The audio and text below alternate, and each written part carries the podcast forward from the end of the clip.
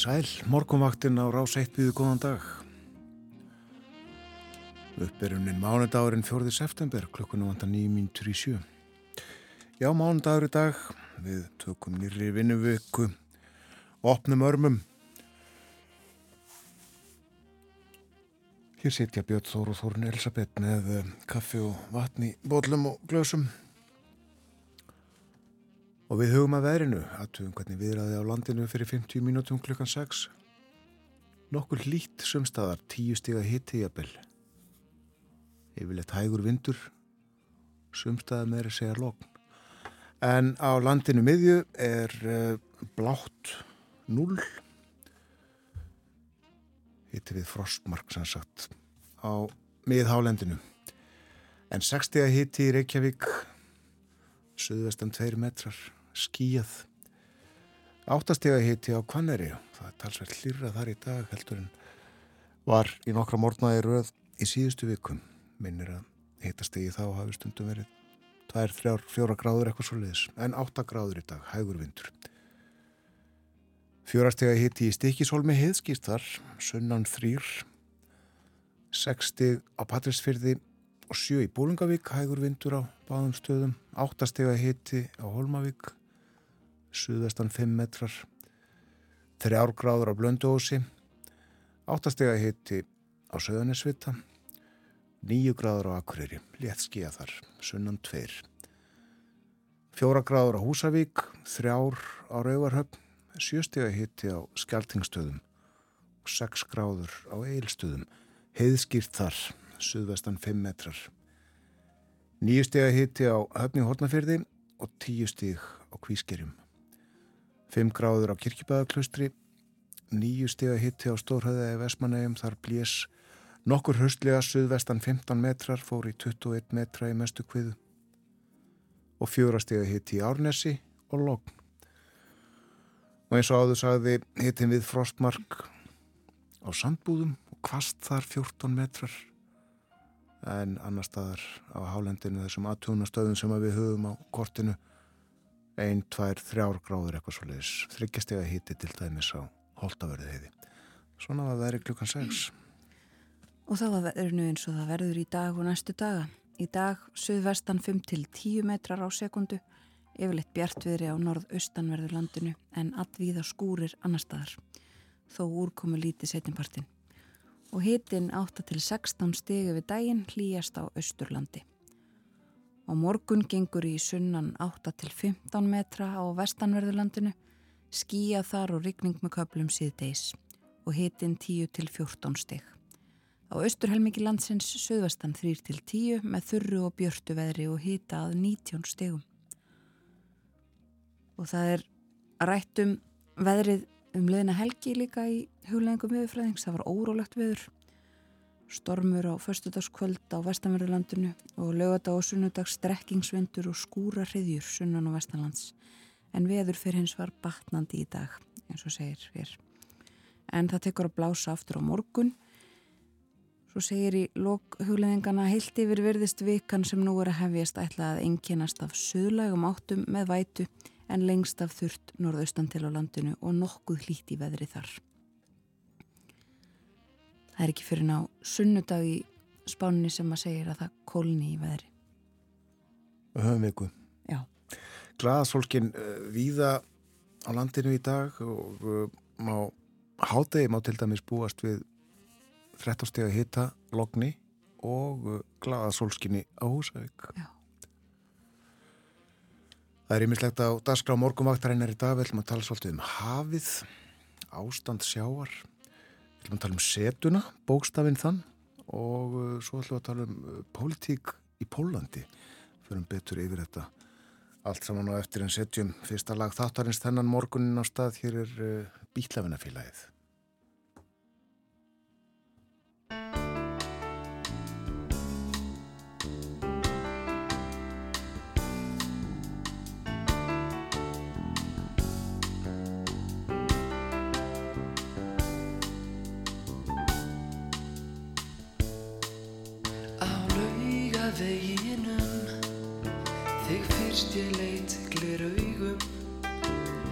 Og svo nett og svo njú samt nokkuð aldinn Þú reyndar seldir þig En bara frekar ódýrt. Ég fekk þig fyrir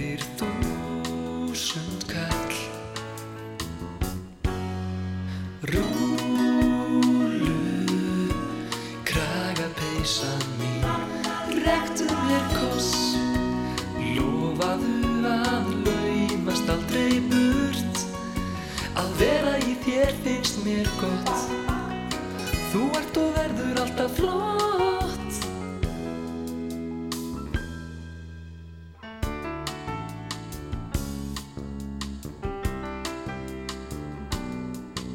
Við hugsum ekki um Hvort tollum við í tísku. Við erum sama sem eitt og skiljum aldrei. Að vísu verðum við að baðast eitt í einu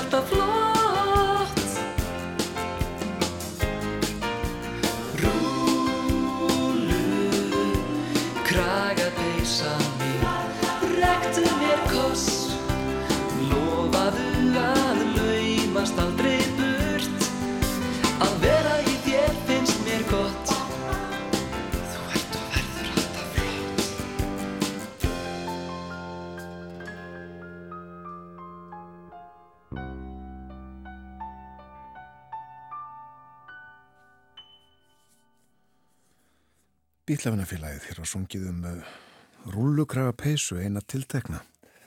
En það líði nú að því að við förum að taka rúlukraga peysurnar, peysurnar, þykku peysurnar fram. En þau gera það ekki á Húsavík í dag, það sem að verður rjóma blíða í hátteginu, samkvæmt spákortinu. Nú við nefndum hér, uh, áðurum við hlustuðum á lagið, uh, það sem er á dagskrá þáttarins í dag og bætum við að við ætlum að fjallaði stuttlega um Jón Árnason þjóðsugusafnara og uh, lesa jafnvel eina, tvær þjóðsugur eitthvað svoleiðis. En fréttinnar, þær eru á næstar á dagskrá koma hér bara eftir andatak.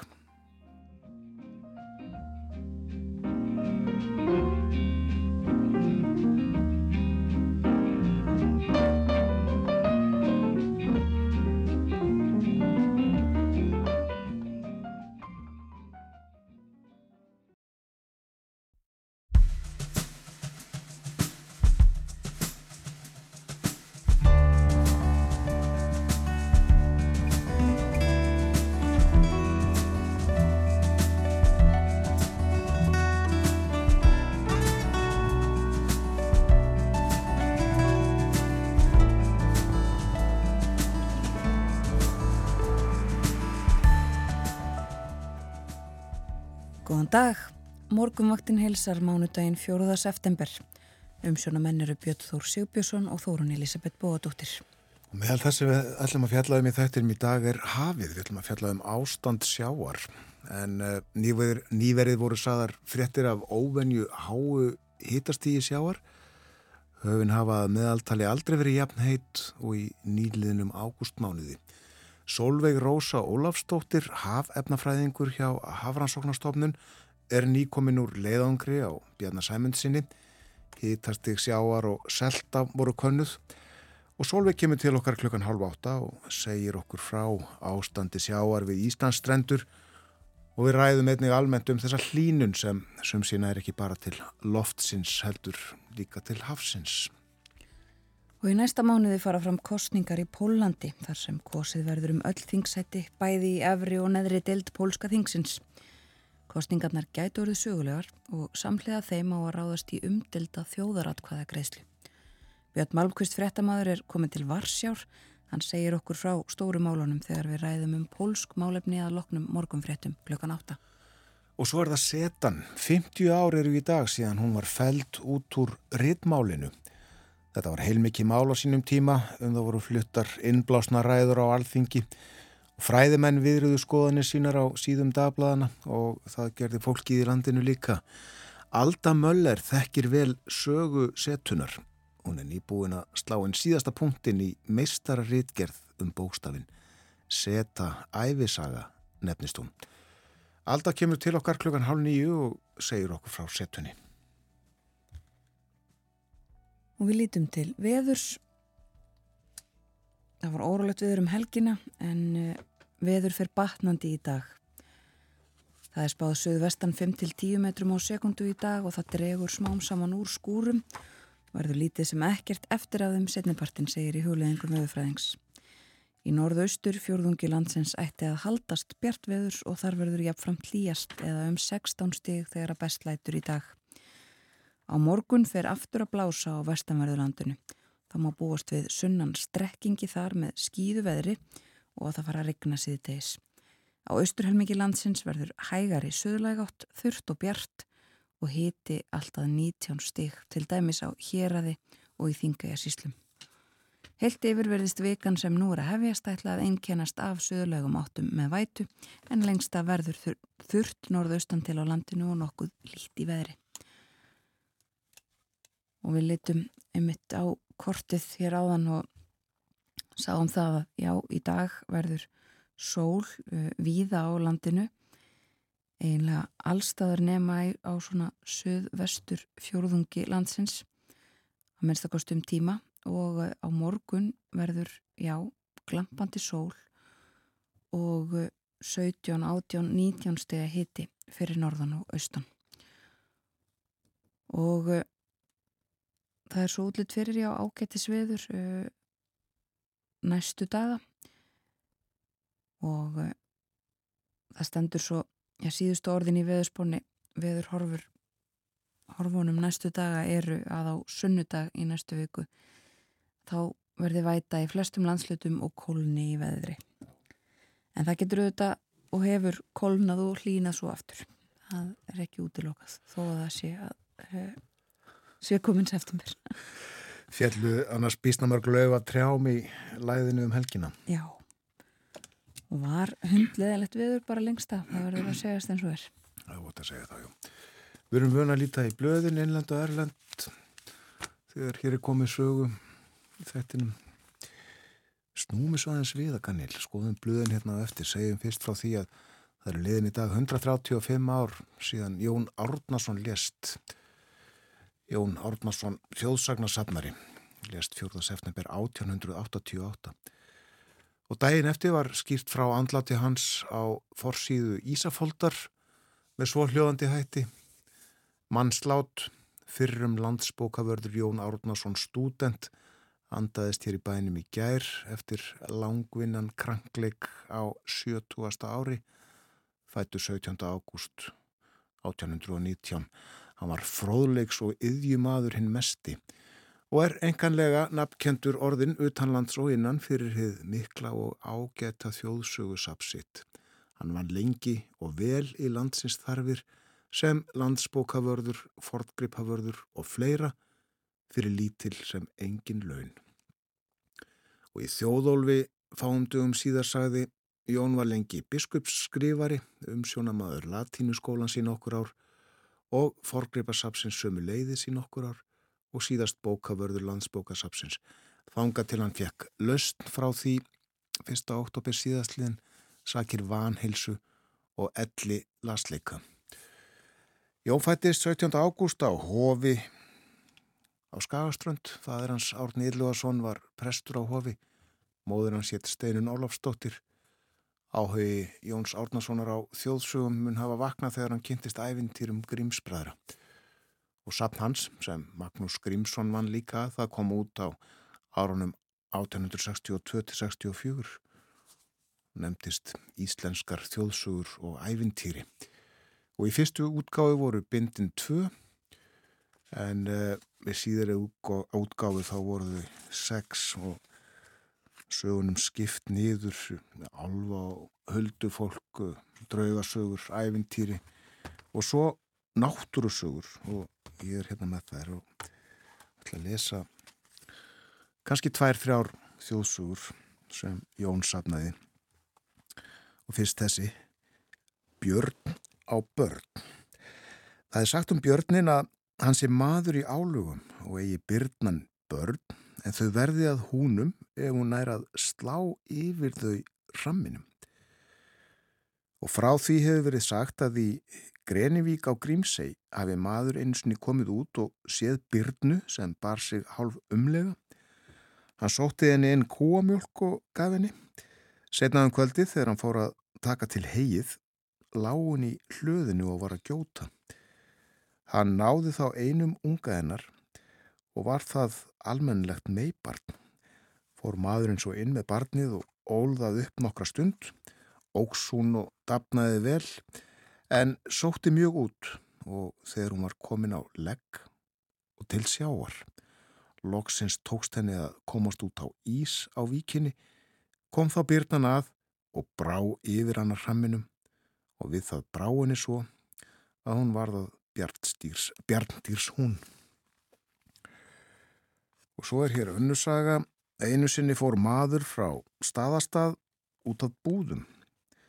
Fann á heimliðinni grásleppu, tók hana upp og leti pókasinn og reið svo heim eftir. Vinnumenn frá staðastað voru í veri og lágu við úti í lágubúð en voru þá á sjó því vertíð var nýbyrjuð og rýru fyrsta vertíðaróður um daginn. Þegar maðurinn fór heimliðis reyðan hjá sjóbúðunum í lágubúð og sátu þá tveir hrafnar á staðarbúðinni. Virtist þá manninum og segir hann að sér hafi orðið það ósjálfrátt að annar hrafnana byggði sig um bytta. En hann saðist ekki tafa því hann myndi ekki eftir grásleppunni. Rafnin saði jú, hann hefði það í pókanum sínum. Fór þá maðurinn að leita, fann grásleppuna og gaf honum bytta. Síðan spurði maðurinn Krumma hvort þeir myndu abla vel í dag staðarpildar. Krummi saði jú, þeir myndu fá tvær lúður vænar. Fór svo maðurinn heim og gatum þetta við fólkið en það hlóða honum fyrir heimskuna. En um kvöldið fór maður þessi alltaf einu með tvo reyðingshesta til að sækja aflan til vermanna og höfðu staðapiltar fengið um daginn tvær lúður mjög stórar. Og svo hérna í lokin. Einu sinni heyrði maður sem að skildi hrafnamál til tveggja hrafna sem voru að tala saman og gekk þar hjá þeim heilag fiskiflag og þá segir annar hrafnin hver á flag hver á flag og hins varar kolbinn, kolbinn og þá segir svo fyrri kropp í, kropp í. Þessar sögur sagði maðurinn sem að skildi hrafnamál. Nokkra sögur uh, úr náttúrusögum hluta af þjóðsögum Jóns Árnarssonar en uh, í dag liðin 135 ár frá því að Jón lést.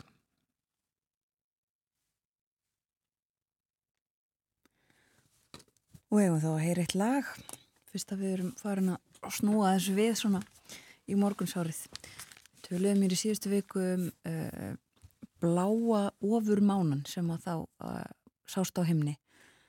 Sem sagt uh, bæði ofurmáni og blátt tungl samtímis og ætlum að leika lag. Það hafa verið samin mörglegum tunglið og eitt þeirra þekktustu er einmitt Blue Moon um Bláa mánan. Við viljum að heyra það í flutningi Ellu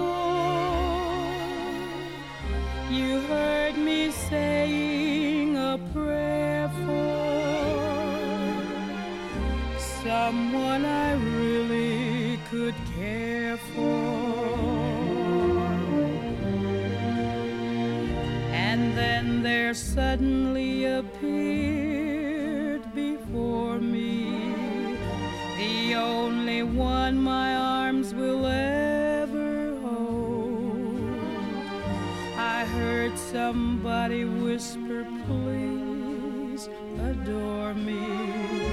And when I looked, the moon had turned.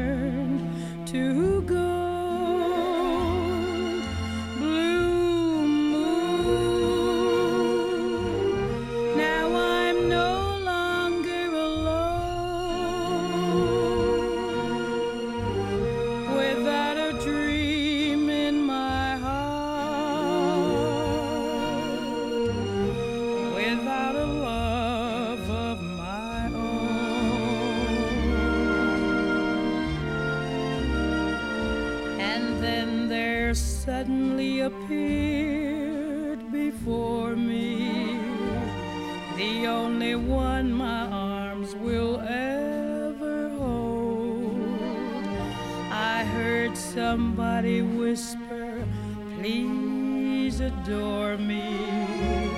And when I looked, the moon had turned to gold.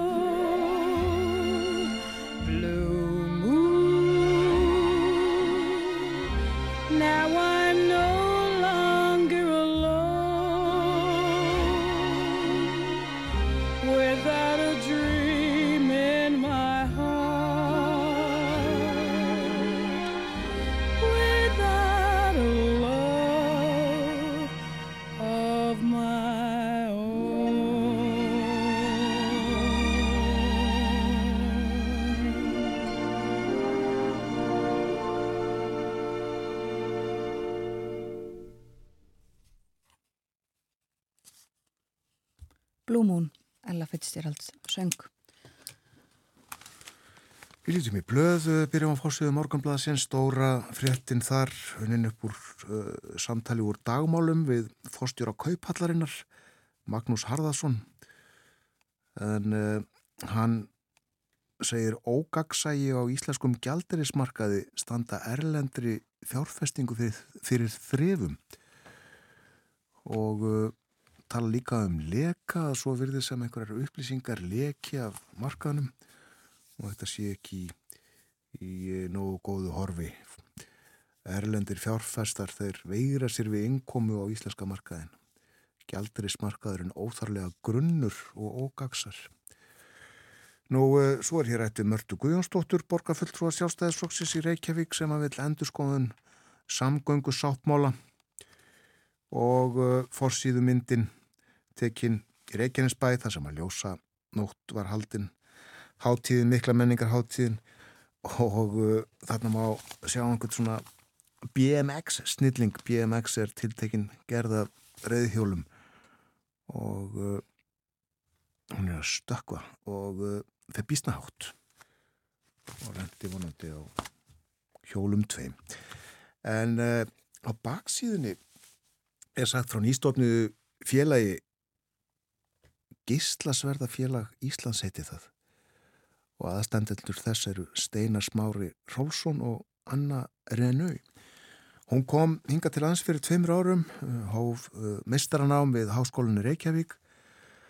Og hún fann upplýsingar um Steinar Smára á Instagram en hann var með alls konar efni um geislasverð og Star Wars inni á Instagram síðun sinni og uh, þegar hún kom hinga til lands Anna þá fann hún Instagram síðuna hans Steinar, Steinars og hún segir hér í samtalið um morgunblæðið ég sendi honum skilabóð og stakk upp á að við myndum hittast og skilmast og stuttur setna þá hittust þau í hljómskólagarðinum og munduðu þar sverð sín.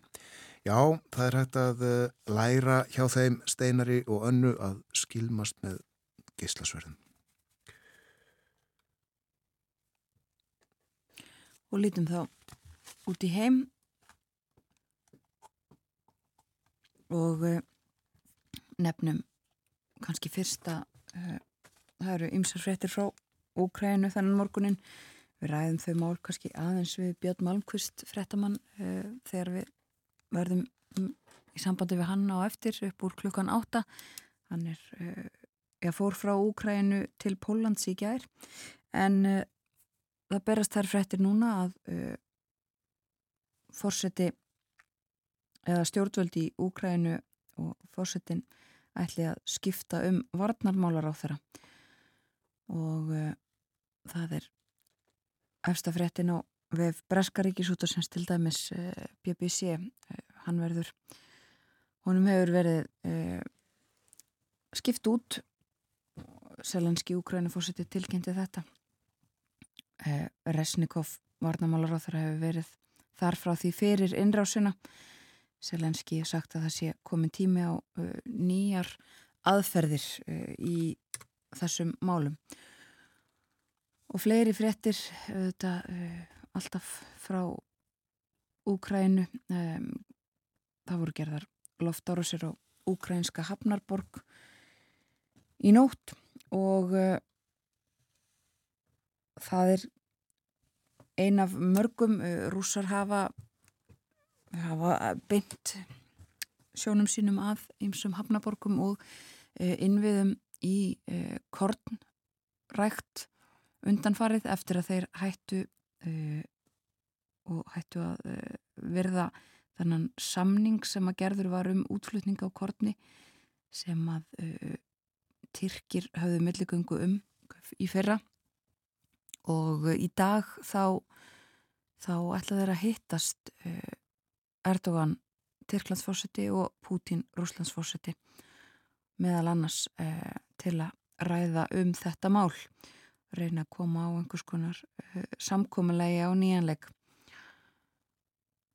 og af öðrum frettum nefnum fórsíðu á uh, breskublöðunum við rettum um það hérna fyrir helgi að það stóð til og stendur til að loka fjöldaskóla vegna ótryggra aðstæða, aðstæðana uh, og alls konar ofnbæra byggingar í Englandi sem að eru uh, mögulega uh, þannig að það þurfi að loka þeim líka. En uh, á fórsýðum bladana í dag mikið talað um það að þetta sé ekki ljóst, það sé ekki búið að skoða öll þau hús sem uh, eru uh, þarna undir og fjöldi skóla meðal annars en þá um, bara óvissir uh, yfirvöld þeirra óvissum hvort að það komi til með að þurfa að loka þeim eða ekki og uh, fjallaðum að, að þetta geti haft miklar afleðingar, þetta muni kosta verulegar fjárhæðir en stjórnvöld segja bæði að það verði engu til sparað, það verði peningum varið í þetta en að samaskapi það verði engir nýjir peningar. Þetta verður svo sett tekið úr uh, fjármögnun mentamála heilt yfir. Og líka annar staðar talað um uh, fjölgun í vinnu fjárvinnu uh, í Breitlandi hjá uh, sveitafjölugum og það er fjárvinnan og vinnustæðir líka til umfjöldunar í bandarískum blöðum í dag fórsíðun á Washington Post. Þá er vitnað í nýjar rannsóknir. Það eru fyrirtæki í bandaríkunum sem geta fylst með alls konar málum sem tengjast vinnustöðum. Þetta er fyrirtæki sem að skoðar uh, internet upplýsingar og uh, það er sem sagt þannig að fyrirtæki í bandaríkunum er í auknum mæli að krefjast þess að starfsmenn komi aftur á skrifstofunar uh, séu ekki lengur að vinna heimann frá sér. Að minnstakosti komi fólk á skrifstofunar nokkra dagi viku. Um, og hér er því haldið fram að þrátt fyrir þetta að þá sé þessi nýju til fimm menning og hún sé búin. Það er ekki að vinnuveitindur geta ekki búist við því lengur að, starfsfólk siti við skrippborð í þannig vinnum frá nýju til fimm. Um, fólk sé að koma aftur á skrifstofunar en að nýta sér svona einhvern órættan svejanleika þar að segja að þetta hafi ekkit verið rætt en uh, fólk nýti sér það koma sint eða fara snemma. Um, einungis helmingur þeirra sem að vinna á skrifstofum eru nú á skrifstofunni í meir en 6 klukkutíma. Og þetta er mikill munur frá því uh, fyrir COVID-19 faraldurinn. Þá voru 85% fólks á skrifstofunni í meir en 6 klukkustundir sem sagt. Það er ímislegt uh, sem hægt er að skoða og koma stað. En eins og fyrir segir þá ræðum við meira um Erlend málumni hér og eftir þegar að Björn Malmqvist verður með okkur frá Varsjá tölum um uh, pólsk málumni engum en aðeins um Úkrænu líka Og hér kannski að endingu fyrir fólk sem að misti að frétta tímum klukkan sjö, mótmælendur hafa komið sér fyrir, getur við sagt, í möstrum kvalviði bátana sem að mögulega átti að halda til veiða í dag. Einhverjar aðgerðir sem að greipu til og uh, lögreglan kollu á svæðið og slökkviliði líka. Við vitum ekki alveg hvernig þessi mál standa núna en uh, heyrum líklega það nýjasta í uh, fréttaeflitinu sem að kemur hjá okkur eftir stuttastundu.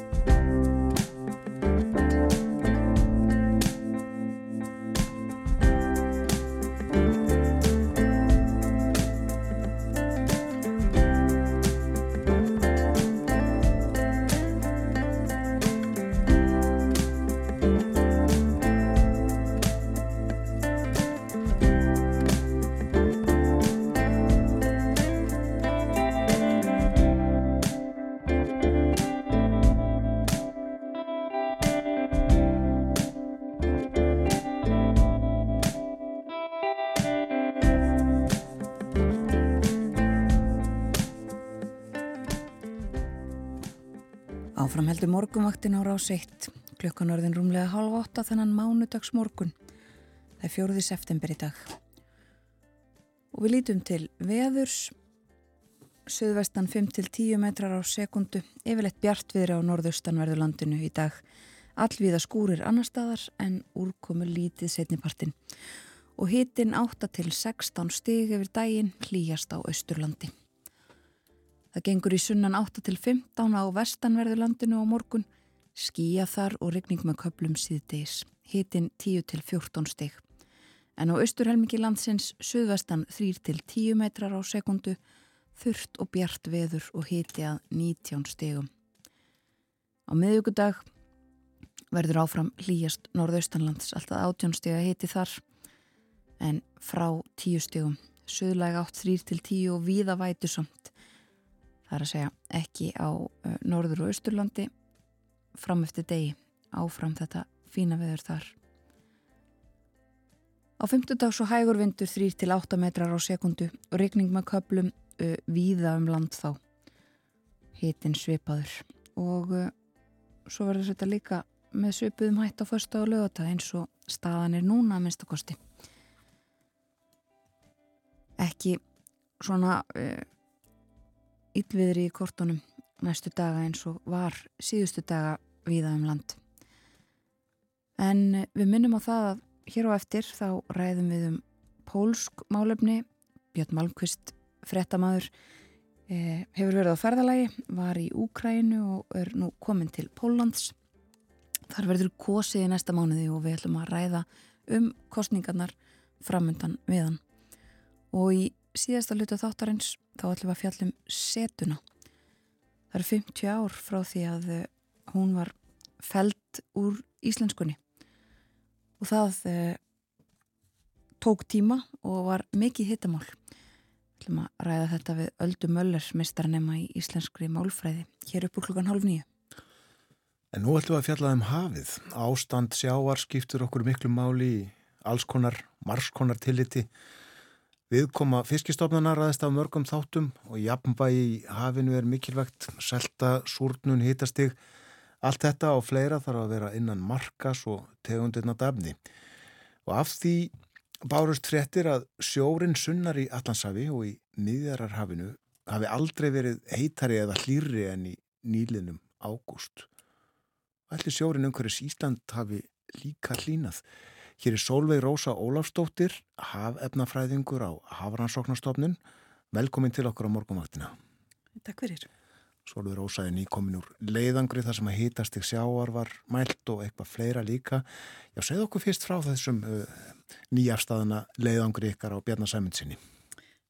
Já, sáleiðangur uh, var einn hluti í gagnaðurblunni verkefni sem við köllum ástand sjávar og fjallar um eðlis og efnafræðileg skilirði í hafinu umhverfis eh, landið og við förum og gerum endutekna mælingar á sömu stöðum og við viljum helst gera þetta fjóru sinnum á ári, einu sinn á hverju ástíð og um, þetta eru alls um, millir 70-80 mælistöðvar hérna, umhverfis landið á, á sniðum sem að ganga frá landi og yfir landgrunnið og, og fram yfir landgrunnsbrúnina.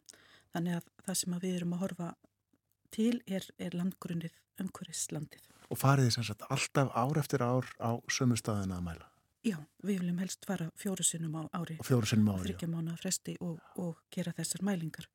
Þetta uh, prógram hefur verið með, gert með þessum með svipuðum hætti frá því í kringu 1970 þegar rannsóknarskipi Bjarni Sæmundsson kom til landsins og það er okkar aðal uh, uh, skip í þessum mælingum og, og þetta eru svona rannsóknir á, á já, uh, bara grunnskilirðum í hafinu. Já, og mikilvægt að, að uh, taka þessa punktstöðu þetta ofta hverju ári, ár eftir ár. Já, það eru fjórar ástíðir í hafinu eins og á, á landi þannig að, að það er mikilvægt að, að gera það já og það er líka mikilvægt í, í þessu kerfi sem er svo breytilegt eins og það er mm. að, að fara á sama tíma þannig að við reynum að halda því halda lámasbreytileika í tímanum sem við gerum aðtugarnirnar á. Já. Þegar ráðist var í, í þetta á sínum tíma þarna um eða upp á 1970 voru þá sambærlega rannsóknir gerðar uh, annar staðar í heiminum af, af, af sýsturstofnunum Hárasónastofnunar? Um, ég veit nú ekki hvort það sé nákvæmlega sambarilegt sem var gert annar staðar. Þetta er náttúrulega ræðist að því hvernig okkar umhverfi er, hvernig uh, mælingar við þurfum að gera og, og, og það eru alltaf svona tvær aðal sjógerðir uh, umhverjus landið uh, og stöðvarnar þurfa að vera eins margar og, og þær eru til að um, mæla hverja einustu af þessum um, sjógerðum. Um, Skýrðu þetta eins betur, sjógerðir? Já, það er, sjógerð er, er sjór með ákveðina eiginleika sem á sér ákveðin um, uppruna og hér umhverjus landið er það náttúrulega hlýsjórin, allansjórin sem er fyrir sunnaland og, og vestan. Og svo fyrir norðan er, er hérna pólsjórin sem kemur með austur grænlandströmmnum sem er seltu lítill og ískaldur. Og síðan á landgrunnu fyrir norðanland þar er svona er, er sjór sem er svona bland af þessum tveimur uh, pólsjónum og allansjónum. Já og uh, er, er, er sko, hvað hefur að segja, er þetta að tala um efnasamsetningu sjáar, notið það hugtak, eða, eða sagt, spurninginu þessi, er, er þetta allt annar sjór, allt sko, öðruvísi sjór?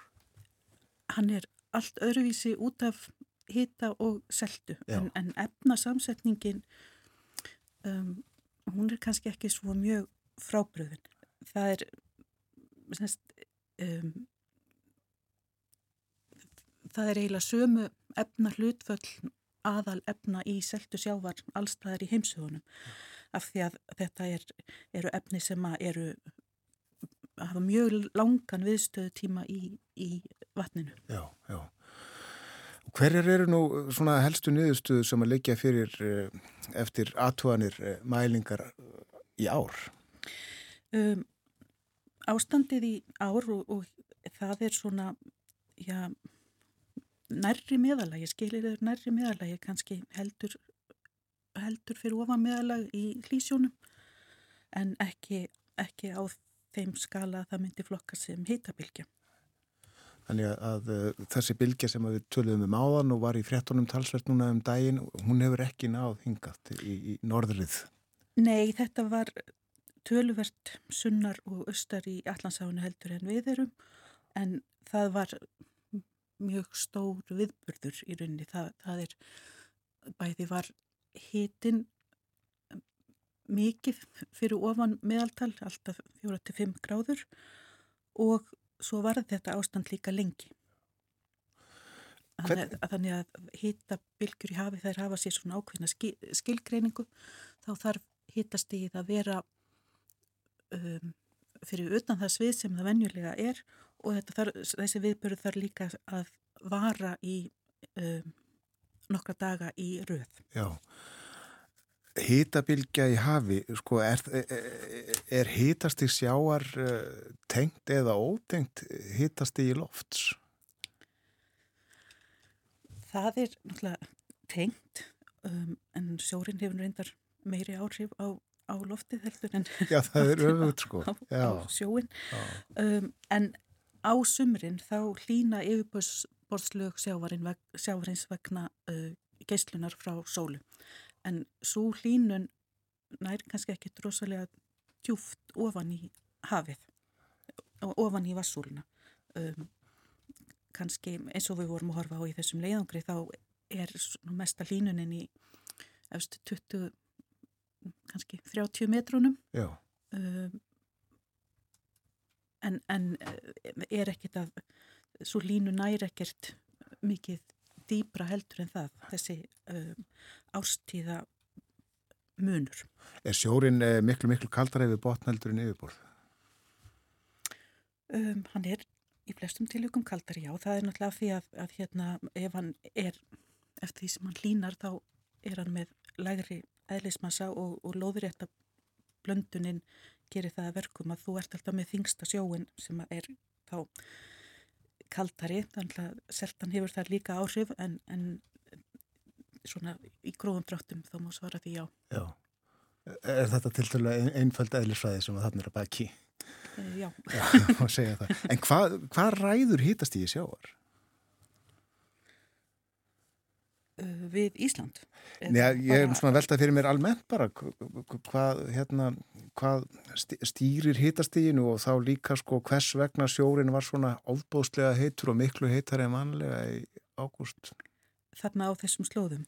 Það hefur, að, svo sem ekki kannski búið að greina það í, í þaula en, en að öllum líkendum er það um, bara sam, sambland af, af geslun frá sólinni um, hittast í, í andrúsloftinu og svo kannski því að um, vindur hefur verið lítill. Þannig að, að eins og hér við land þá er mikil lóðrætt blöndun ef það kemur lægð eins og, eins og um helgina að þá, þá uh, blandast sjórin nokkra metra niður, niður á við, niður, lóðrætt og hitin uh, dreifist þá um, um nokkra metra ofan í uh, vassúluna. Já. En tók ég ekki rétt eftir uh, hitastíð í miðarhafinu, það var bara eins og í heitabótunum í Vesturbæðilöginni? Já, það er búið að vera mjög heitt, ég held að sé ennþá heitabilgja í miðjararhafi en þó svo svo sem var við Breitlandsegar eða rétt svona við Breitlandsegar sé í rénum um, þau gögnísvar sem að er sem að oftast líka baki þessum hittabilgju um, skilgreiningum Já. E, eru svona fjarkönnunargögn þannig við veitum í rauninni kannski ekki alveg hvað þetta ástand nær djúft niður í sjóun því að fjarkönnun á hittastegi er í rauninni bara sína efstu kannski 20 cm eða, eða allavega mjög grund ofan í, í, í vassúluna. Emmitt, já. Já, fjarkönnun, ég held að þú þurfir að útskýra þetta aðeins fyrir okkur. Já, fjarkönnun, það er eh, bara könnun á, á yfirborðu jarðarinnar með gerfi tunglum, með það sem eru ákveðnir bara sensorar eða nemar í gerfi tunglum sem að mæla ákveðnar uh, stærðir. Þannig er þetta að mæla hitast í sjáar með uh, nemum sem eru í gerfi tunglum? Já, yfirborðshitan. Yfirborðshitan. Í, í svona alveg í blá yfirborðinu. Já. Um, við höfum meira notað uh, svona fjarkvörnagögg til að fylgjast með gróðri, til að fylgjast með plöntusvifi af því að um, þessi, þessi gerfitungli eru líka með, með nemum sem að uh, mæla bladgrænu. Segð okkur aðeins meira frá því sem að þið ansökuð í uh, þessum leiðangriðum dægin já og hafið gert þrýsva fjórusinum ári í 50 ár? Já, það, þetta svona uh, helstu, svona, stærstu drættirnir í niðurstunum er í rauninni bara sá breytileiki sem að, sem að er í aðstæðum við, í hafinu við Ísland. Um, sá breytileiki er miklu meiri fyrir Norðanland heldur en fyrir Sunnan. Og þannig að hérna um, kaldari sjórin fyrir norðan heldur en hlýsjórin hér sunnanlands. Um, og við vitum það að, að þessi skilir þau geta breyst uh, bísna rætt við höfum séð um, í okkar mæluröðum að allansjórin streymist undum uh, austur með öllu Norðurlandi alveg að, að langanissi við séð. En síðan hafa líka komið ár eða tímabil þar sem að uh, kallt er fyrir norðan og, og þessi artísku áhrif uh, ráða ríkjum. Og þið uh, fylgist með seltu vinnandum hana og, og súrnuninn, það er nú eitt áhegju efnið og svo er, svo er alls konar mengun í hafinu þetta um, og allt þetta þarf að vakta vel. Já, ég menn kannski ekki sko við erum í raunin ekki að vakta mengunar áhrif í þessu verkefni. Nei. En við fylgjumst með svona náttúrulegu ástandi á ímsum efnum, einna helst næringarefnum og súrefni. En við gerum líka mælingar á koldjóksíði og erum þar að skoða flæði koldjóksís millir lofts og sjávar, þessi upptöku sjávarins á koldjóksíði úr andrúsloftinu um, en svo upptaka veldur því að sjórin súrnar og okkar mælingar í Íslandshafi, norðan á 68. gráði millir Íslands og, og Janmægin, þær sína að, að súrnunin er þegar orðin svo mikil að yfirborð sjávarins er komið út fyrir það uh, svið eða það reyns sem það var fyrir innbyltingu. Þetta er svona skýrt dæmi um, um, um það hvernig sjórin súrnar vegna stöðugar, stöðugrar upptöku á koldjósið úr andrúsloftinu. Skýr þetta aðeins betur uh, hvernig, hvernig þetta svona byrtist? Um, Eða áhrif þessarar súrnunar? Já, það, sko, áhrifin á, á lífríki, það er kannski svona þrautin þingri að, að svara svoleiði spurningu, en uh, ansi margar lífverur í hafinu um, byggja sér skil eða stóðgrind úr kalki og við það að sjór, sjórin súrnar þá verða skilirðin fyrir þær lífverur til að gera þetta verða erfiðari. Það er ekki þar með sagt að verði ómöguleg en það gæti farið að kosta þér meiri orku að, að framkvæma ferli sem að um, eftir því sem að sjórin súrnar. Og þetta sjáu þið bara gerast? Já. Og hvað er til ráða? Minga losun gróðrúsa loftegunda, það er svo sem eiginlega eina svari við því. Já,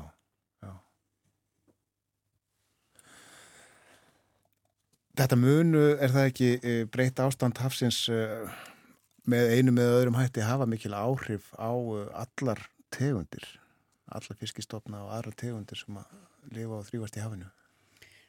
Já, þetta er náttúrulega umkörðuð sem þessar lífurur eru í, þannig að breytingar á skilirðum hafa áhrif. Um, hér við land, eins og kannski þið vitið þá er búið að vera fremur lít í sjónum í um, rúm 20 ár eða svona cirka frá aldamótum og þar sem að Allandsjórin hefur verið uh, fremur hlýr og jáfnframt haft tölvöld mikla útbreyslu norður fyrir land og, og við höfum séð svona ákveðna breytingar í útbreyslu uh, lífverða sem afleðingu af þessu. Og uh, er ástæði til þess að hafa þungar ágjur af uh, ástandi og, og horfum?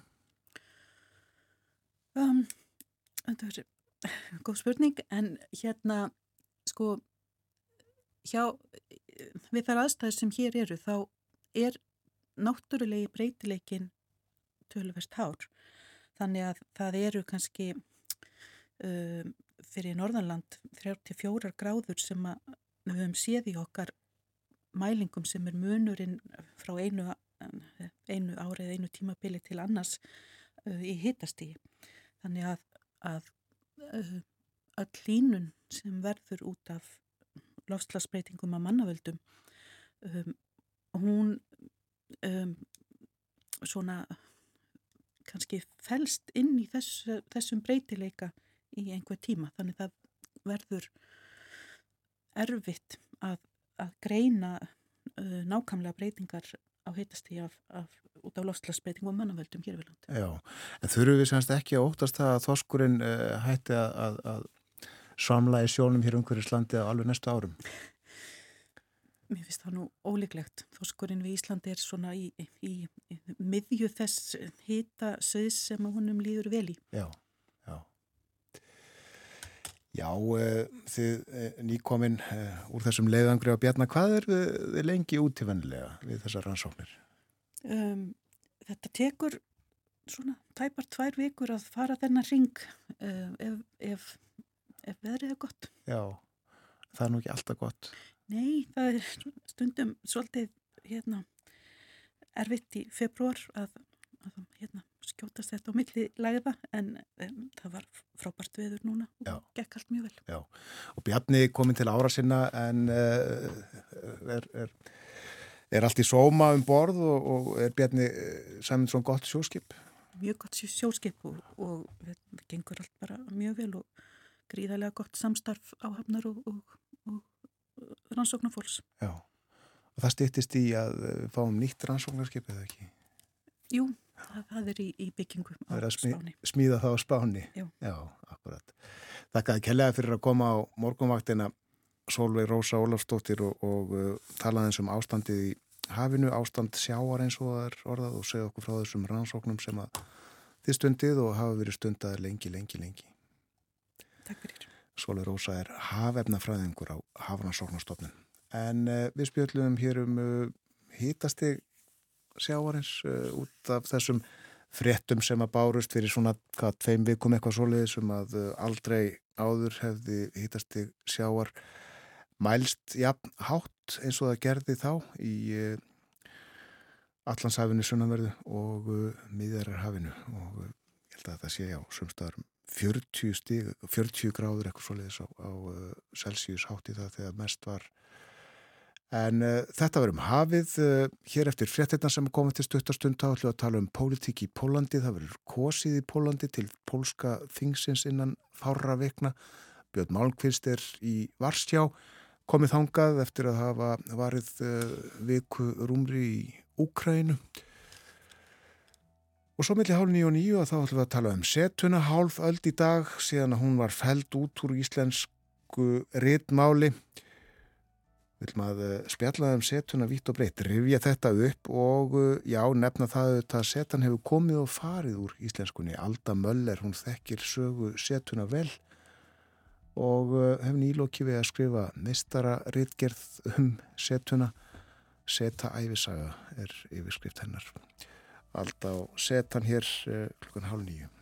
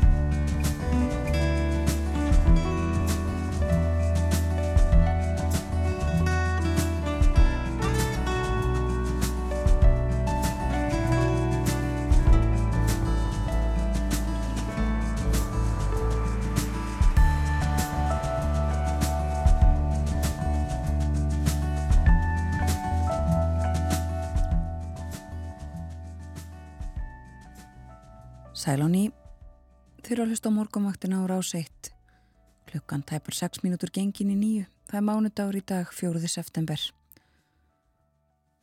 Og hér fyrir fréttinnar rettum við um ástand sjávar. Solveig Rósa Ólafsdóttir haf efnafræðingur á Hafrannsóknastofnun var gestur okkar. Og upp úr klukkan halv nýju þá ræðum við um setuna. Það eru 50 ár frá því að hún var feld úr íslenskunni í síðasta sinn. Eh, hún hefur farið úr og komið aftur í málið. En meirum það á eftir. Næstu mínútunar ætlum við að ræða já, einna helstum pólsk mál en eh, fyrst þó aðeins um Úkrænu Björn Malmqvist frettamæður er eh, með okkur, hann er venjulega í Brussel eins og hlustendur morgunvaktarinnar þekkja en hefur já verið í Úkrænu og er nú komið til Varsjár Góðan dag Björn Góðan daginn. Við ætlum að byrja á að tala eins um Úkrænu. Þú fórst þaðan í gæri, er það ekki? Jú, ég fór frá Kievi í, í gæri morgun og það var einhver nýju tíma kessla til Varsjár. Þetta er ekki, þetta er ekki, þetta er ekki stutt af vegalandri hér í, hér í mið- og austur-Európu. Um, það var mjög, þetta var mjög áhugaverðu tími í, í Úkrænu þessir, þessir dagar sem ég dvaldi þar. Ég fór meðal annars til Saborítsja þannig ég er reyndar, sko þaðan sem ég talaði við ykkur uh, í síðustu viku og, og það er náttúrulega allt annað að koma þanga heldur en að vera í, í höfuborginni sjálfri.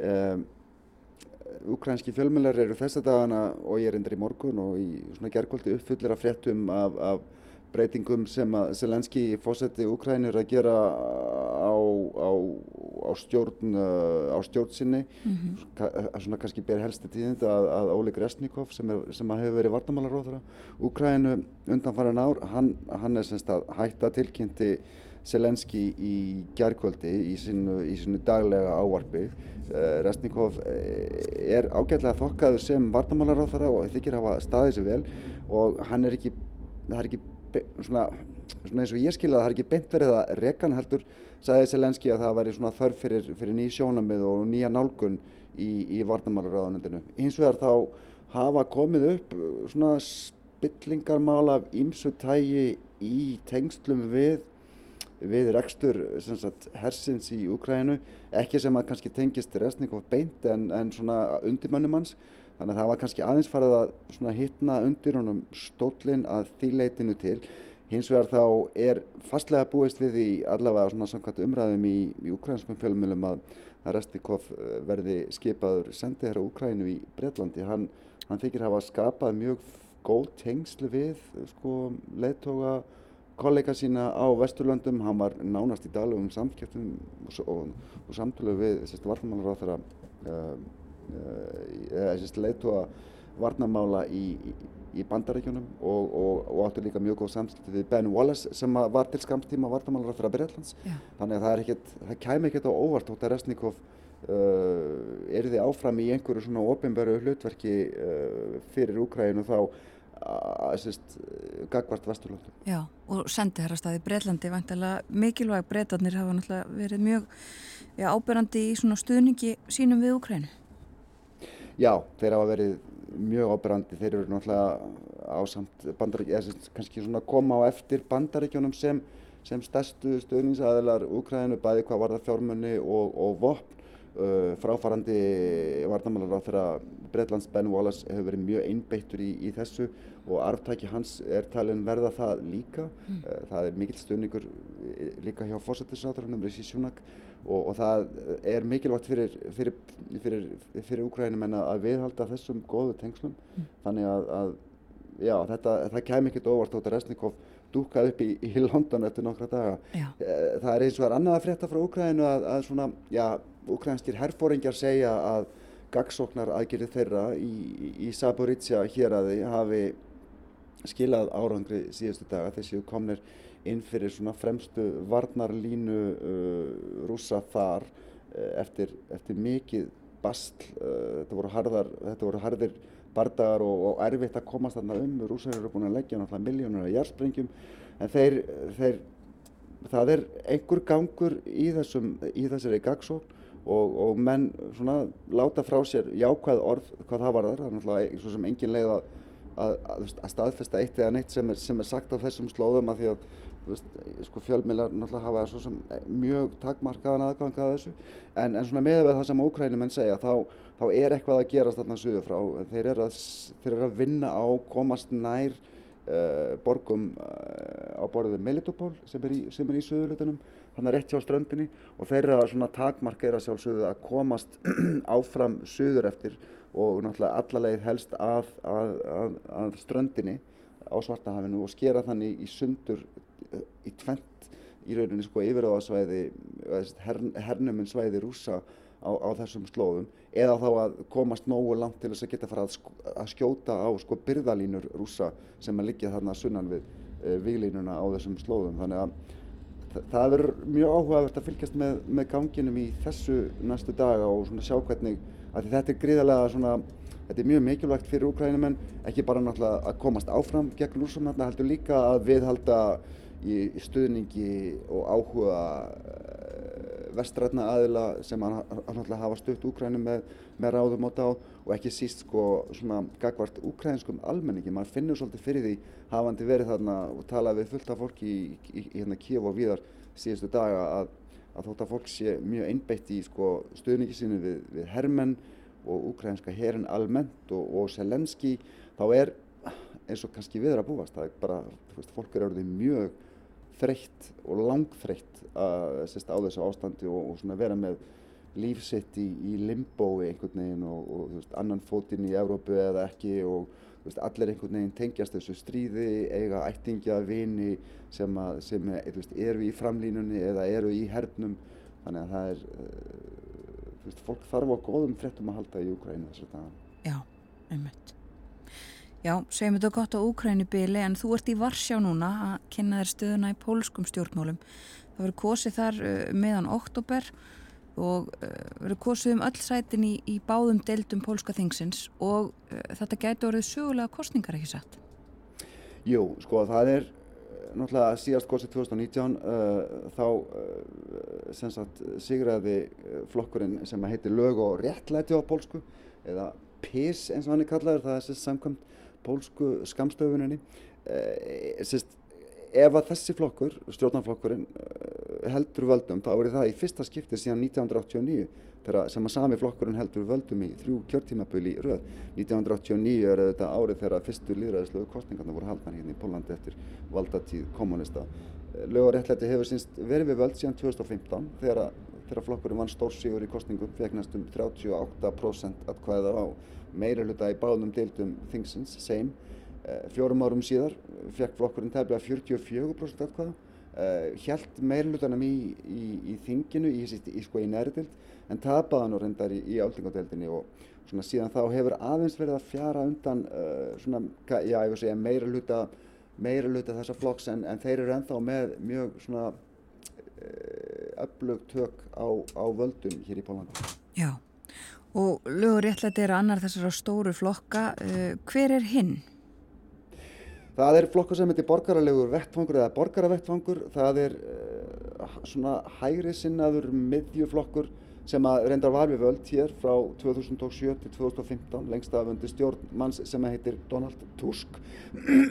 þeir sem fylgjast með Evrópu stjórnmálum þeir kannski muni eftir honum að hann var fósiti leittóðar ás Evrópu sambandsins til 2019 hann er eftir orðin leiðtögi þessa flokk sem heitir borgarlegu vettfangur og hann er mjög afgerandi og áberandi stjórnmálamæður hér í Pólandi og hann er reyndar líka frekar umdeildur, ekki síst um, meðal þeirra sem að styðja lög og réttlæti uh, en, en, en það er svona það, kannski tölum við það eins og eftir. Já og uh, kannanirnar sína hvað að lög og réttlæti gæti haldi völdu? Já, svona sko þessar kannanir flestar sína að lögurættlæti er með mestan stöðning eh, svona þessar kannanir hafa verið að sína stöðning svona að biljanu 33 til upp í 39% það er kannski mismunandi eh, svona svolítið eftir hvað maður skoðar mm. ba, hérna borgaralegu vettvangur er með svona á biljanu ef að segja 29 til 30 svona 2-3-4% aðri flokkar sem eru vissulega til staðar þeir eru með talsvert minna fylgi þar að meðal vinstri flokkarnir og, og svona lítil frambóð sem að, sem að hérna kannski skipta minna máli svona akkurat núna ef við erum að draga upp stóru myndina. En á meðal minniflokkana er hins vegar flokkur sem að, sem að gæti farið að skipta máli þegar það líður að, að kostningum og náttúrulega eftir kostningar það er, er þessi flokkur sem heitir Confederatia sem að svona, ef að segja samtökin sem að sem að kenna sig við frelsi og, og sjálfstæði. Þetta er tiltölulega nýrflokkur og hann er að mörgum kallaður öfgahæri flokkur, hann stofnaður af manni sem heitir Slavomir Mensen. Mensen er umdeltur, hann hefur svona látið út úr sér ímislegt á undanförnum árum sem að er kannski frekar ekki mjög svona smekklegt uh, um, um innflytjendur og, og svona aðra uh, svona minnluta hópa. Hann segist ekki ætla að leiða flokkin í stjórnarmynduna verður um, eftir kostningar. Þessi flokkur er núna með í kringum 12%, hann er talsveit vinsæl meðal svona yngri aldurshópa hérna í Pólandi. ef að þessum flokki gengur vel í kostninguna þá geti þýtt að, það geti þýtt að hvoru stóru flokkana geti myndað meiri hlutastjórn uh, veist, ef að, að konfederatsia vill ekki sko, ganga í lið með þeim eða, eða stiðja, sko, stiðja stóru flokkana það geti mögulega leitt til þess að, að tja, það verði einhver pattstaða eftir kostningar og kannski mögulega að það verði kosið aftur í Pólandi einhver tíman á næstu mánuðum eða, eða setna í vetur. Já, einmitt. Sko Björn, pólsk stjórnvöld hafa lengi tróðið ílsækir við Evrópusambandið út af ímsu til dæmis deilum um réttarfarði í Pólandi og það verður væntanlega engin breyting þar á ef að stjórnaflokkurinn lögur réttlæti heldur völdunum. Nei, þeirra málflutningur hefur á undanförnum árum og mér sýnist núna svona eftir ég hef verið að skoða uh, kostningabaratuna undanförna daga þá, þá heldur það áfram að þeir hafa svona lengi talað um og litið á Evrópusambandið sem einhvers konar, ég hef að segja óvinn sem er mjög skrítið að segja því að Póland er ennumtlega hluti af Evrópusambandinu mm -hmm. uh, en, en þeir hafa sko lengi átt í, í deilum við, við, við aðalega frangvartastjórnina í Brussel uh, eins og þú segðir út af breytingum sem þeir gerðu á dómskerfinu í, eða svona endurskoðun eins og þeir kallaði hana sem þeir fóru í eftir 2015 þegar þeir náðu völdum í hindi í Pólandi gaggrinnitu segja að, að, að þessar breytingar hafi einfallega verið til þess fallnar að, að sko draga úr sjálfstæði dómara og reynda líka saksóknara í, í Pólandi. Flokkurinn hefur alltaf sagt að þetta séu nöðsynlegar breytingar og endurbætur til þess að afnema fullu sko áhrif sem að voru til staðar eftir að kommunismin fjell í Pólandi 89. Uh, aðrir hafa svona vísað því algjörlega á bug.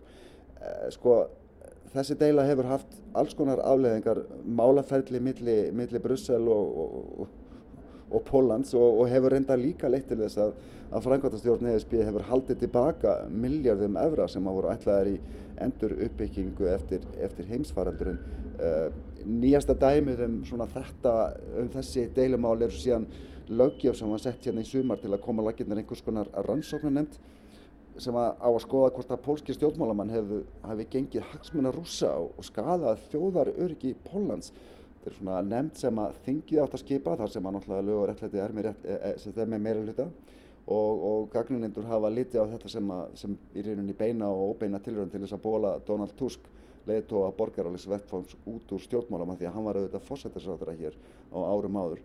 Uh, sko nefndin átti að geta bannað viðkomandi stjórnmálamönnum að taka þátt í, í stjórnmálum. Það, það hefur að hluta til verið dreyið tilbaka en, en, en þessi áform eru ennþá til staðar og, og nefndin hefur endar verið skipuð og það, svona, það verður að koma í ljós hvernig, hvernig hún, hún haga sér næstu vikurnar. Ja, ég menna það eru bara sex vikur til kostninga. Þetta, veist, allt þetta vil kannski segja okkur að það er mjög mikil skautun í, í pólskum stjórnmálum og Hún kemur til dæmis fram í því hvernig leitu á stjórnarflóksins hafa talað um Donald Tusk. Hann hefur verið kallaður útsendari Európusambandsins, hann hefur verið kallaður handbendi þjóðverja. Eh, nýjastu fréttunar í dag eru um orðaskipti sem hann áttu við Angeli Merkel. Þá var hendur kanslara Þýskalands um, um, um, um breytingar á eftirljónakerfinu hér uh, í Pólandi. Það var ákveðið uh, ekkert löngu áður en að Donald Tusk hætti og, og flokkur hans tapaði kostningunum 2015 að hækka eftirljónaaldurinn. Það var mjög umdilt hérna í Pólandi og, og hérna uh, kom þeim mjög illa í, í kostningunum þá. Uh, það er bara svona kannski nýjasta dæmið um hvernig, hvernig Tusk er svona, svona dregin upp sem, sem, sem erki óvinnur uh, þeirra sem að styðja stjórnarflokkin hér. Já, og það stendur líka til að halda þjóðaratkvæða greiðslu samlega þessum kostningum. Segð okkur hans frá því. Já, þetta var tilkynnt fyrir tæpum mánuðu hérna í Pólandi. Stjórnvöld vilja semst spyrja kjósandur til dæmis hvort að að leifa sölu á fyrirtækjum sem þykja mikilvæg fyrir pólskan efnaha eða þjóðlíf. Uh, svona strategísk fyrirtæki sem maður kannski getur sagt. Þeir vilja líka spyrja hvort að að hækka eftirlunni aldur. Það er nú einmitt vísun í þessar breytingar sem að, sem að hérna, Tusk og hans fólk ætlaði að gera fyrir nokkrum árum síðan. Og þeir vilja líka spyrja hvort að það að leifa svo ég vittni í spurninguna þúsundum ólögulegra innflytjandja frá miðausturlöndum og Afríku til að koma til Pólans í samræmi við áallun sem kemur frá skrifræði Evrópusambandsins. Þetta er beint tilvittnin í spurninguna. Eh, það er sérst ekki nokkuð auðljósa þessi, þjóðrætkvæðagreisla snýst ekki beintum stefnumál, heldur er ætlað að auka kjörsók þeirra sem að styðja lög og réttlæti og, og reyna í leiðinni að koma höggi á stjórnarnarstöðuna.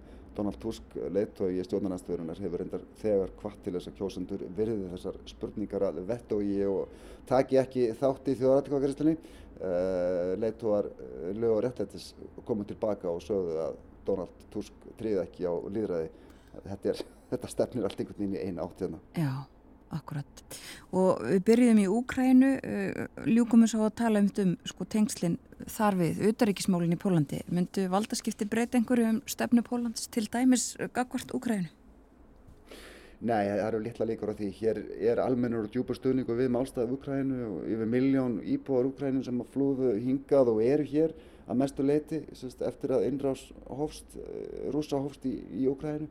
Eh, stjórnvöld hér hafa hins vegar nýlega ákveðið að flytja herlið austur að landamærunum við Belarus út af því sem að talum að vera vaksandi ógn þaðan eftir að rúsneskir málarlegar Vagnarhópsins fóru til Belarus og, og stjórnarflokkurinn hér hefur reyndar verið ásakaður um að nota sér þetta ástand í politískum tilgangi með því að spila upp ógnina til að sína að núverandi stjórnvöld séu þau einu sem eru færum að tryggja öryggi pólverja. Þetta er semst orðið að máli í kostningabartunni hér. Já. Það bendir allt í þess með þessum þú erst búin að fara yfir að það megi búist við hardri kostningabartu næstu vikunar. Já, hún er þegar hafinn. Það er gríðarlega mikið í húfi hér uh, svona þegar kemur það þessum kostningum. Stjórnarnanstæðan sér vissulega möguleika á sigri þannig að það verður, það verður hart tekist á hér í Pólandi næstu vikunar. Já, kærar þakkir fyrir að vera með okkur frá Varsjá þennan mánundagsmorgunin Björn Malmqvist. Ja, takk fyrir mig. Björn í Varsjá, komin þángað frá uh, Úkrænu, fór frá Kíf í gær uh, og uh, er nú í Pólandi að kynna sér og uh, undirbúa uh, frekari fréttaflutning frá Pólandi. Kosið þar 15. oktober bæði til neðri og efri dildar þingsins og líka þessi þjóðuratkvæðagreysla sem hann saði okkur frá. Það eru 460 sæti í neðri dild pólska þingsins og 100 í efri dildinni. Og Björn verður svo vandanlega með okkur frá Brussel uh, þegar líður á september mánuð. Já, þar uh, fer aftur að færast lífi í omberu sam-evrósku byggingarnar allar já, já.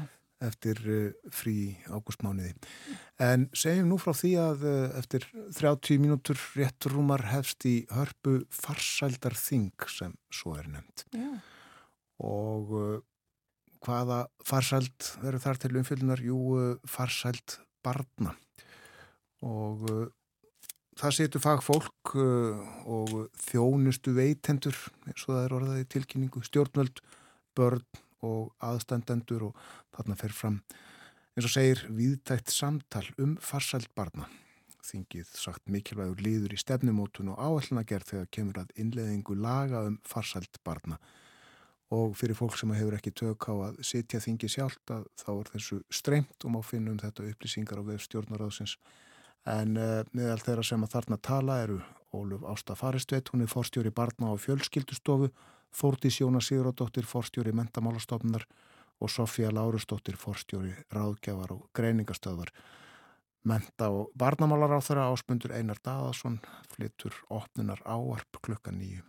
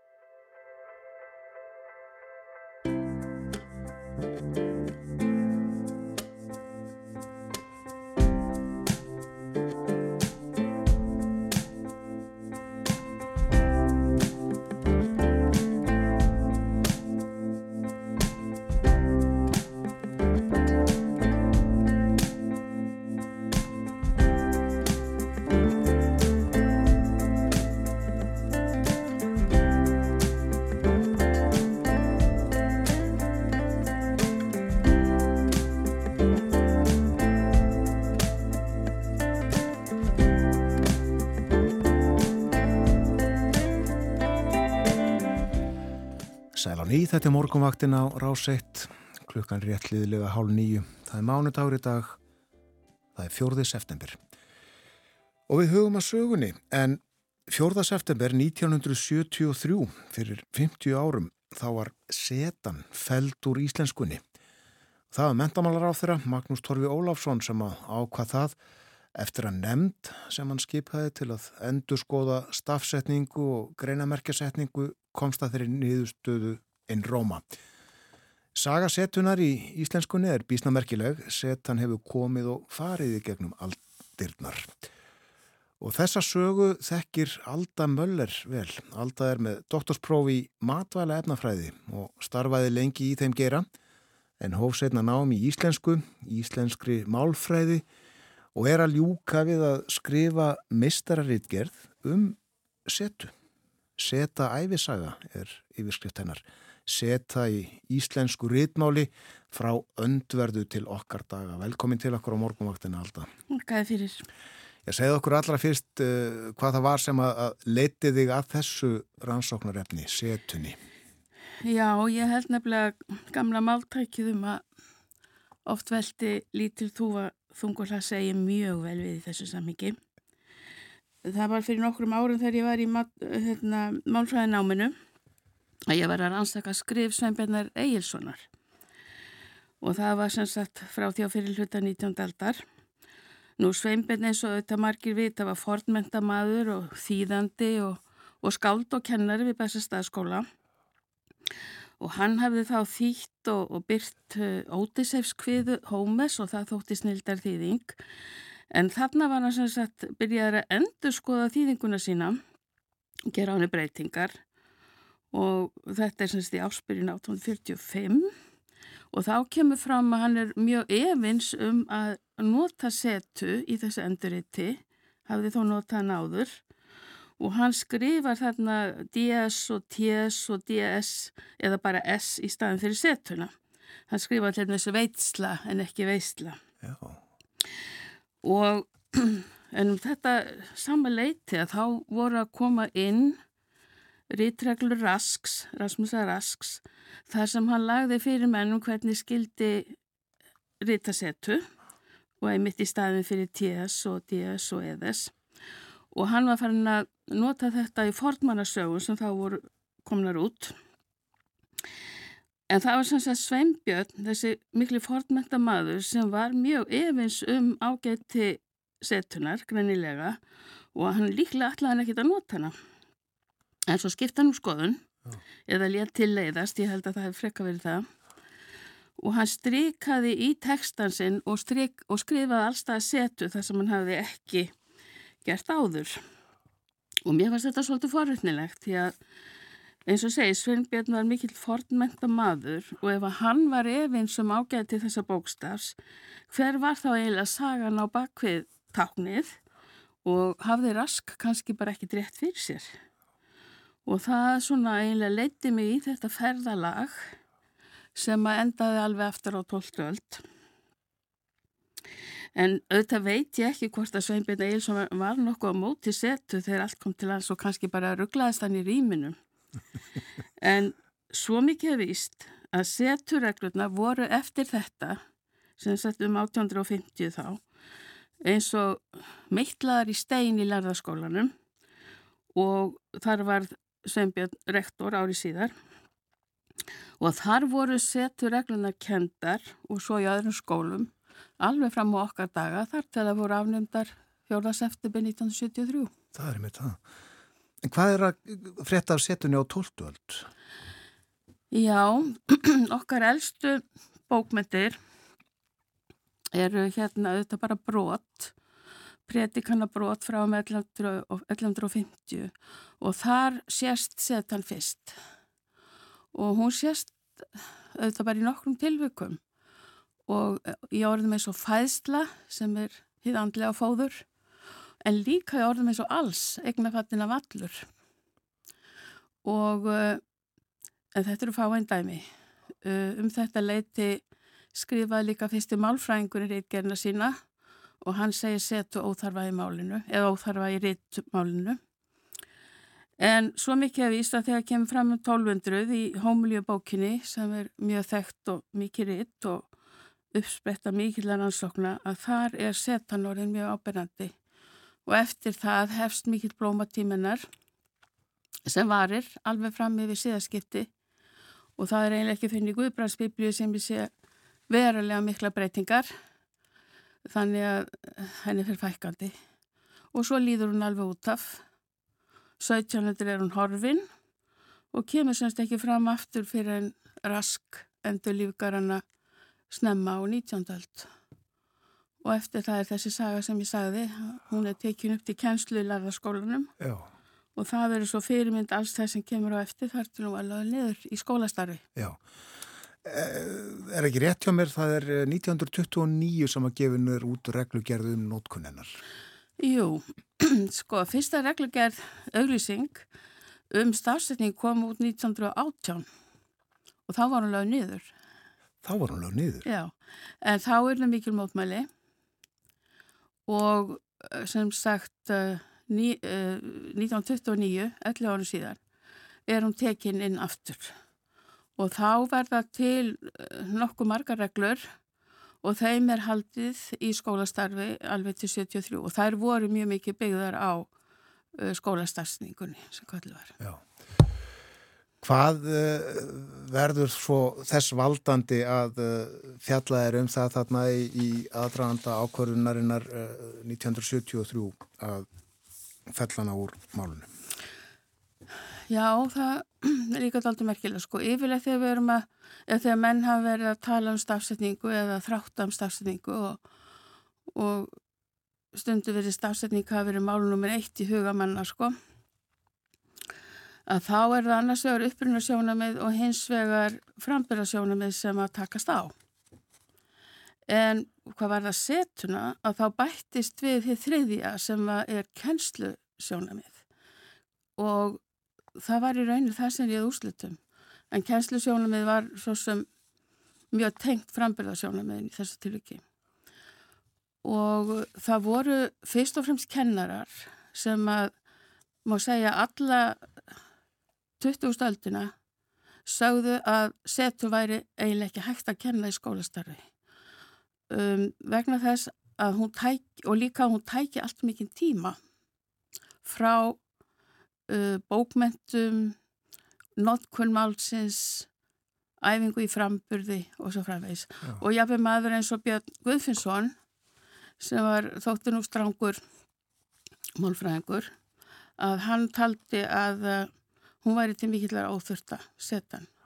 Profesor Haldur Haldursson er samt sennilega sá maður sem að rétt því að setja hann var aflög því alveg frá 1950 þá talaði hann mjög gegninni. Já, sko það er ímislegt snúið í íslenskri stafsetningu uppsílónið uh, á að vera eitt enn eða tvö enn og svo framvegis en uh, var samt setan það sem að stóð helst í fólki? Nei, setan var nefnilega ofta undir yfirborðinu. Það var á tímabili mest rífist um það hvort ætti að skrifa jóð, e eða ég, til og með sér orðinu ég. Uppsílón kom við sögu en það voru nú held ég nógu margir sem að töldu að það er eftir sjá af henni eftir sjá af því. Setan var eh, þótti kannski ekki mjög merkilegt og sumstaðar sé ég að það megi fórna henni fyrir eitthvað annað sem að menn voru þráttum og það kom mjög einlega fljótt fram að það mætti fórna alveg hlut af setunni. Það er að segja notkunn hennar sem var erfiðust í í hérna miðmynd og já, í sem sagt sagnending og þar sem menn þurfti í huganum að leysa upp sem kalla var orðmyndir. Þannig að, að til dæmis þegar að þessar umræði laugn og alþingi og hún varði nokkur ár eftir 1973 að þá var í rauninu komið fram þetta sátt að bóða setu skildi nota í orðstofnum en ekki sagnendingum en uh, þá sprungum menn á tíma og, og hún, það bara held að hún var alveg lögð niður. Mannstu hvernig þér gekk að læra setun á sín tíma? Ég held að hann bara gengi ágætlega hjá okkur en mm, mér fannst það alltaf að vera íþrótt og, og ég var svo sammála því sem ég las eftir Haldur Haldursson að hún tafði fyrir mann ef maður var á einhverju skriði að skrifa til dæmis uh, reitgerð að þá þurftum maður að nema staður og segja á ég setja setu hérna eða ekki þannig að Já, ég hérna sá svo sem ekkit eftir henni en ég held ég hafi kunna reglunar. En það var snúnara að, að kunna þetta og átta sig á uh, þegar fólk var að skrifa heldur en til dæmis hvort að þetta verið uppsölun eða ekki? Já, vegna þess að uppsölun er náttúrulega miklu algengara og, og í hugamanns þá sér maður fyrir sér þessi orð sko. Og það er náttúrulega eins með setu til mjög sjónu eins og viska og geska og svona, maður sá þetta fyrir sig. Það var ekki svo mikið mála að kunna það, muna það. En, en hitt var, hitt var erfiðara að þurfa alltaf að hugsa er ef fallið þarna út þannig að hér á koma að setja í staðan fyrir S. Ég með hérna frétt úr morgunblæðinu frá 4. september 1973 og þar segir í fyrirsög besti stórlúðu staður sem vitaðir um segja breskir og sænskir sjóstangaveðimenn og bestið auðvitað með setu Já, og breskir með setu já, já, en sænskir með essi. já, Já.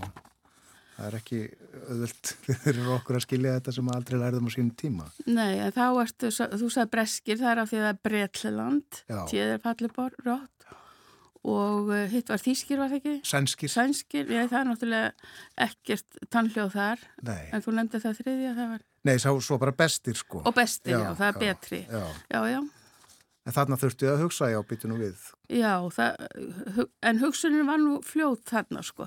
Það, það var meira í sagnendingunum sem uh, það var aðeins fyrir fólki. Og ef þú hefur einhvern tíma, til dæmis þeir tala um bladamannastafsningu, sem var til um 1900, þá gerðu þeir á fyrir því að setja væri ekki notuð í sagnendingum, en hún er notuð í stopn, stopni ára. Já.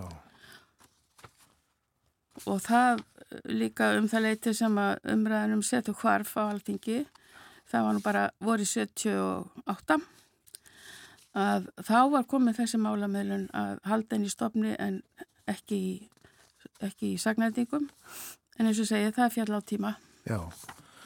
Uppgjöf eða eðlileg breyting eh, var fyrirsögn í umfjöllunum þetta í, í morgunblæðinu um afnámsetunar úr íslenska reitmálinu og, og uh, svo voru mentaskólanemar teknirtali, uh, hvað segja þau um setu og uh, sigurlaug.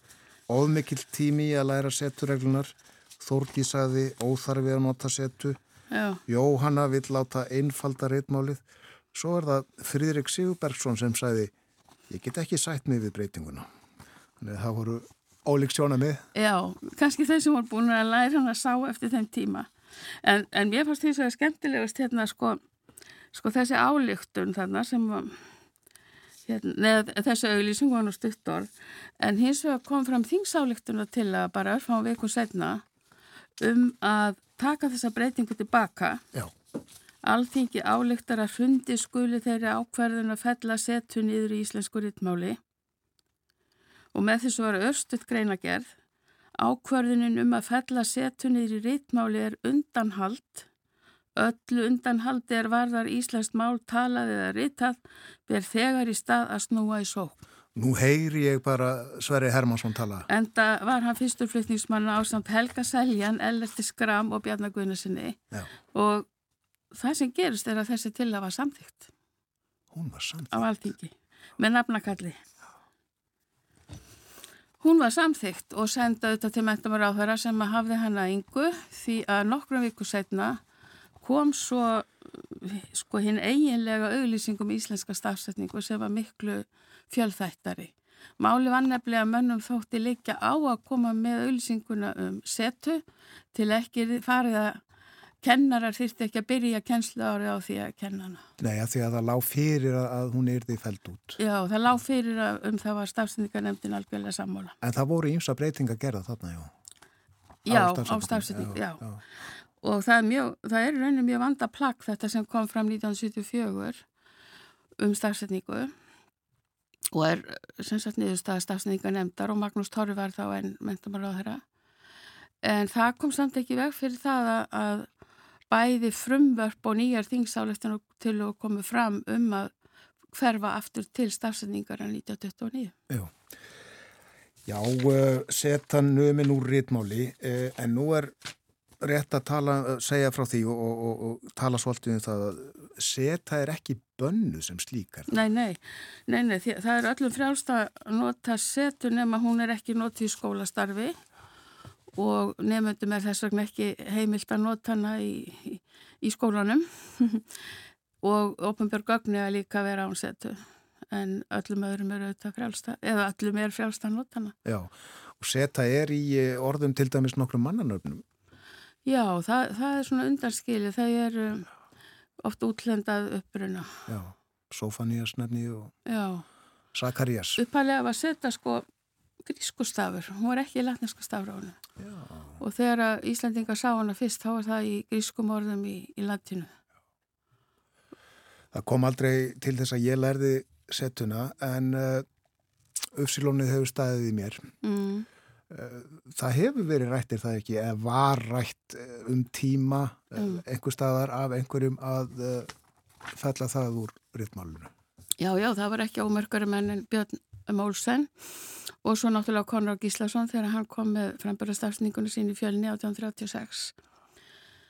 En uh, hún er, Uppslun er svo áberandi og, og Uppslun tengir okkur svo mikið við upprunnorða að ég held að það var aldrei, mér fannst aldrei vera alvarleg umræða um að fella niður Uppslun en vissulega sá maður það og það voru menn sem ekki skrifuðu hana skrifuðu það en hérna það lifir og uh, er sennilega í dag á samt enn og enn en svona það erfiðasta sem nefndur teljast þau þurfa að læra. Já.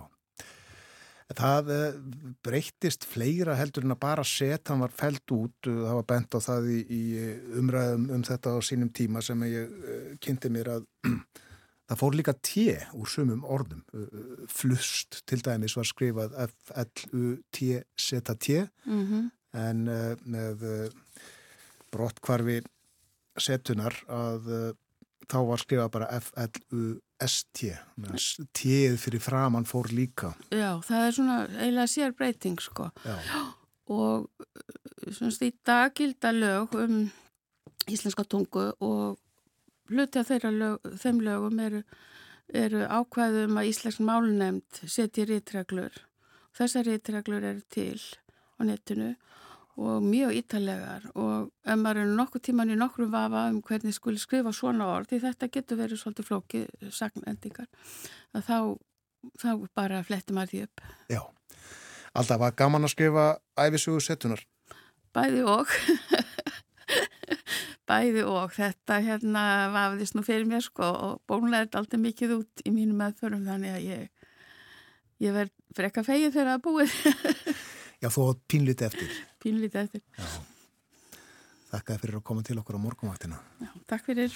Alda Möller, mistrænum í íslenski málfræði Saðu okkur frá setunni sem að hún hefur uh, rannsakað Þetta er laung saga og uh, merkileg og uh, nær aftur til 12. aldar Hlustum á tónlist, hlustum á Eddu Magnarsson leikonu í hlutverki Móniku Settilund.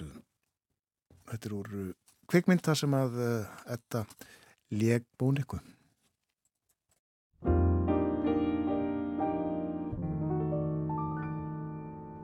Engel vacker öm är min valsmelodi, min valsfantasi, en sång i en dröm.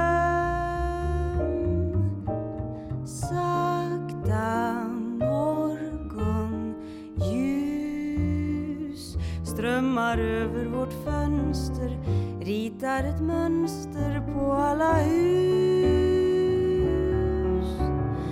Just den dag, den vackra dag jag lärde mig säga vi kom den till världen min vals melodi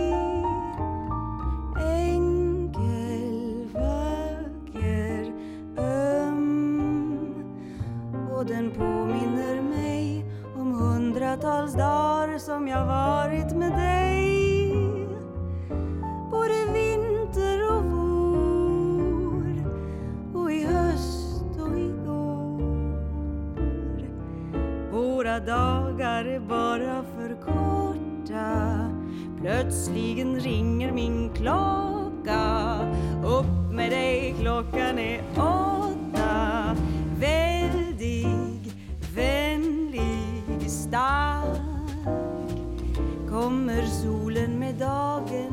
Den vackra staden badar i ljus. Väldig, vänlig, stark. Har du visat mig världen? För mig så är den vacker.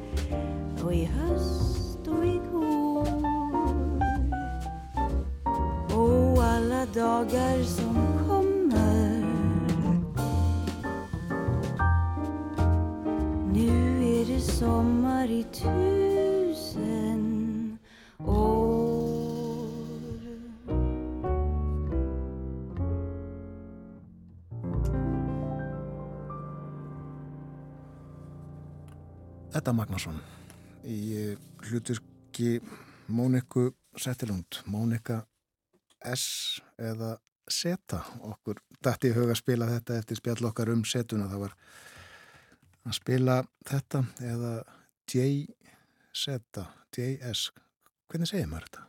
JC JC, JC, já. Já. Þetta er snúið. Já. En uh, Alda Möller var hjá okkur hér áðan og við uh, spjöldluðum um setuna. Já, það var 4. september 1973 sem að hún var fælt út úr íslenskunni, já, rítmálnu. Okkur er uh, full frjálsta nótana ef við viljum, en Já. uh, það var ekki gera það í skólastarfi eða, eða í opinbyrjum gögnum. Nei, við fáum ekki tilkynningar frá ráðuneytum með setu. Nei, Nei. akkurat. Einmitt það. Þessu fyrir að ljúka hjá okkur hér á morguöttinni. Við hefum líka talað um uh, pólskmálefni og í morgun um ástandið í sjónum, heitastig sjávar. En þegar við vorum á ferðinni hérna snemmi í morgun, þá var uh, fallegt um að letast á himninum. Og það er núna í september uh, orðið nógu dimt til að skoða stjörnuhiminin.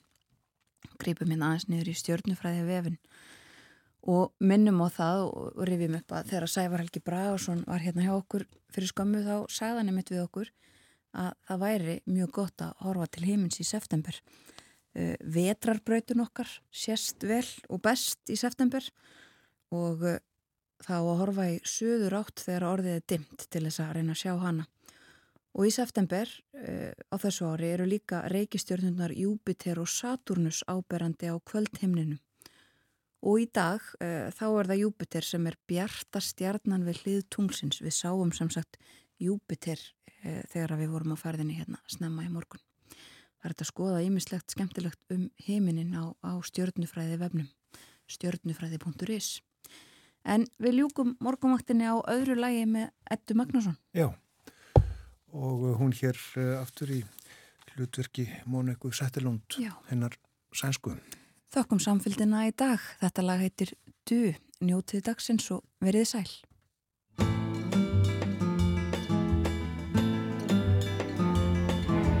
Du, kan du svara på Varför gjorde du så där? Jag blev så jättekonstig då Du, inte mera nu kommer här och dörren är ju olåst. Du Du, varför gör du så? Du håll inte på så där. Var snäll och sluta. Nu snälla söta gulliga du? Du, jag går härifrån. Om du inte sköter dig Det hoppas jag att du förstår.